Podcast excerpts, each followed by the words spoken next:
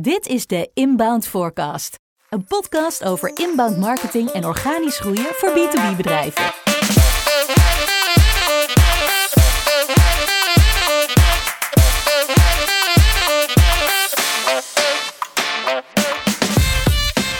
Hier is jullie host, Jero Arkus.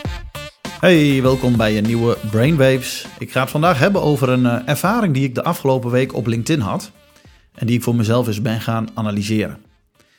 Uh, om ons heen denk ik dat we heel veel dingen op uiterlijk beoordelen. En ik denk ook dat het iets heel natuurlijks is. Denk bijvoorbeeld aan vliegen die op wespen lijken.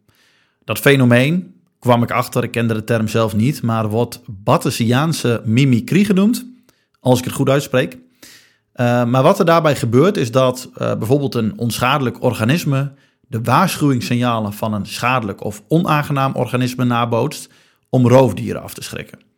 Dus de vliegen die onschadelijk zijn, die niet kunnen steken, die bootsen het uiterlijk na van een wesp die wel kan steken, die vaker agressief is, om andere dieren te misleiden en te ontmoedigen om aan te vallen. Of bijvoorbeeld mensen die bang zijn voor honden, omdat ze vroeger misschien ooit door een hond zijn gebeten. Nou ja, niet alle honden bijten, maar ons brein, in de gevallen van die mensen die gebeten zijn, uh, kan dan alsnog een soort van waarschuwingssignaal afgeven uh, bij alle honden om te voorkomen dat je mogelijk in een gevaarlijke situatie terechtkomt. En uh, in sommige gevallen kunnen we het feit dat ons brein zo werkt in ons voordeel gebruiken. In sommige situaties moeten we ons er ook tegen verzetten. Denk bijvoorbeeld aan etnisch profileren, waarbij misschien de succesvolle Marokkaanse zakenman vaker door de politie wordt aangehouden dan de gepensioneerde die, die misschien wel de kofferbak vol drugs heeft, maar die gewoon door mag rijden op basis van uiterlijk. Nou, wat heeft dat met marketing te maken, denk je misschien?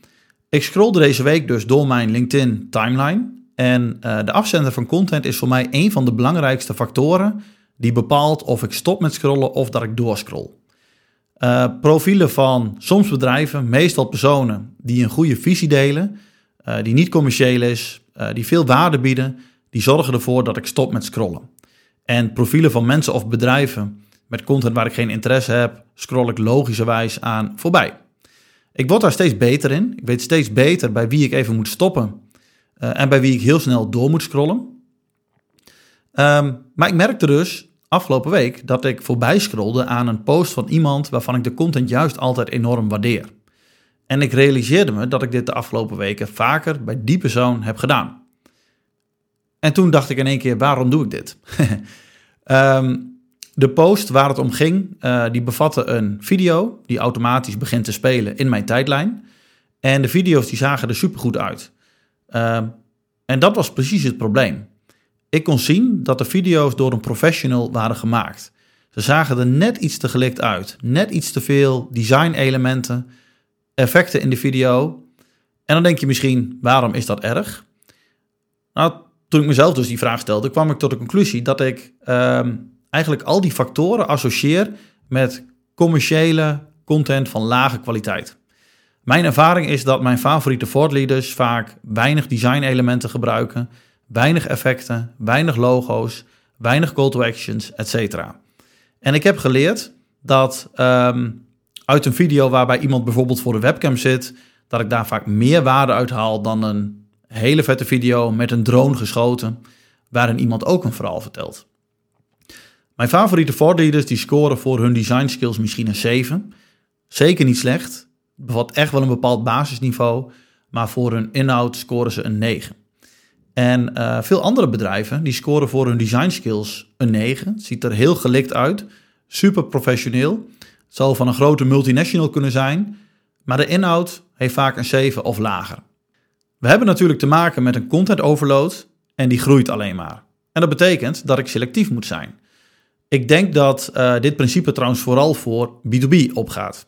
Dus uh, grote consumer brands zoals Nike of Albert Heijn, uh, die willen natuurlijk dat alles er goed uitziet, zelfs hun inhoudelijke content. Maar van veel B2B bedrijven weet ik dat ze geen eigen cameraploeg in dienst hebben. Dat ze geen eigen designer hebben. En als ze dan te veel hun best hebben gedaan op die onderdelen die ik net noemde, dan trek ik soms, nou ja, wellicht onterecht, de conclusie dat de inhoud ook wel commercieel zal zijn. Want waarom zouden ze er anders zoveel voor betaald hebben? Uh, in dit geval, de persoon die de mooie video's publiceerde, was de inhoud inderdaad goed. Het deed eigenlijk niet onder voor de andere content die deze persoon normaal gesproken plaatst. En waarvoor ik normaal gesproken dus ook stop met scrollen. Nou, wat ik niet hoop is dat we nu meer commerciële content uh, gaan zien waarbij het lastiger te herkennen wordt, uh, omdat er rekening gehouden wordt met dit soort principes, um, dat het om commerciële, lagere kwaliteit content gaat. Uh, maar ik hoop dat partijen die wel echt iets goeds te melden hebben, dat die hier wel meer rekening mee gaan houden. In B2B ben ik van mening dat de 7 soms beter is dan de 9 op het gebied van design-elementen, et cetera, effecten, om te zorgen dat je content daadwerkelijk geconsumeerd wordt. Denk voor jezelf eens na over de zaken die jij associeert met lage kwaliteit content van bedrijven. Voor mij zit dat dus echt heel erg in de hoek van net iets te veel logo's, design elementen, professionele foto's, professionele video's, call to actions. En ik associeer hoge kwaliteit inhoud met kunnen zien dat de content uh, door de persoon zelf alleen gemaakt zou kunnen zijn. Um, nu zal dit vast niet voor iedereen opgaan, maar toch denk ik wel onbewust dat heel veel mensen hier last van hebben. En misschien zijn het ook niet altijd dezelfde elementen, dat kan natuurlijk ook per persoon verschillen. Um, en het is ook niet zwart-wit. Ik consumeer genoeg content uh, waarbij dit totaal niet opgaat. Bijvoorbeeld omdat ik weet dat de podcast in een professionele studio wordt opgenomen, maar waarbij ik ook gewoon heb geleerd of weet dat de inhoud supergoed is. Alleen waar het mij om gaat is dat er voor mij wel een hele duidelijke correlatie aanwezig is tussen deze signalen en de kans dat ik de content consumeer. Uh, mijn advies is overigens ook niet om geen aandacht te besteden aan hoe het eruit ziet. Natuurlijk moet het van een bepaald basisniveau zijn. En natuurlijk geldt het niet voor alles. Maar ik denk wel dat je er rekening mee kan houden. Volgens mij kan dat geen kwaad. Partijen als Google die houden hier natuurlijk al heel lang rekening mee in hun eigen voordeel. In de loop der jaren zijn bijvoorbeeld advertenties steeds meer op organische SEO-resultaten gaan lijken, omdat Google dan gewoon weet dat de kans groter is dat mensen erop klikken en dat Google dus meer geld verdient. En de reden daarvan is wat mij betreft dat uh, wij Google-gebruikers uh, het uiterlijk van die advertenties toch wat meer zijn gaan associëren met minder goede kwaliteit content. Misschien wordt het tijd dat we dit soort principes iets actiever op LinkedIn gaan toepassen voor content die wel van hoge kwaliteit is, maar die niet commercieel is. Want iets wat geen advertentie is, wel op een advertentie laten lijken, vind ik niet slim. Bedankt voor het luisteren naar de Inbound Forecast. En vergeet niet om je te abonneren via YouTube of in je favoriete podcast-app.